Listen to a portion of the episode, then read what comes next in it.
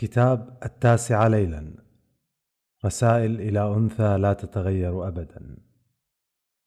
عثمان مرزوق. الإهداء.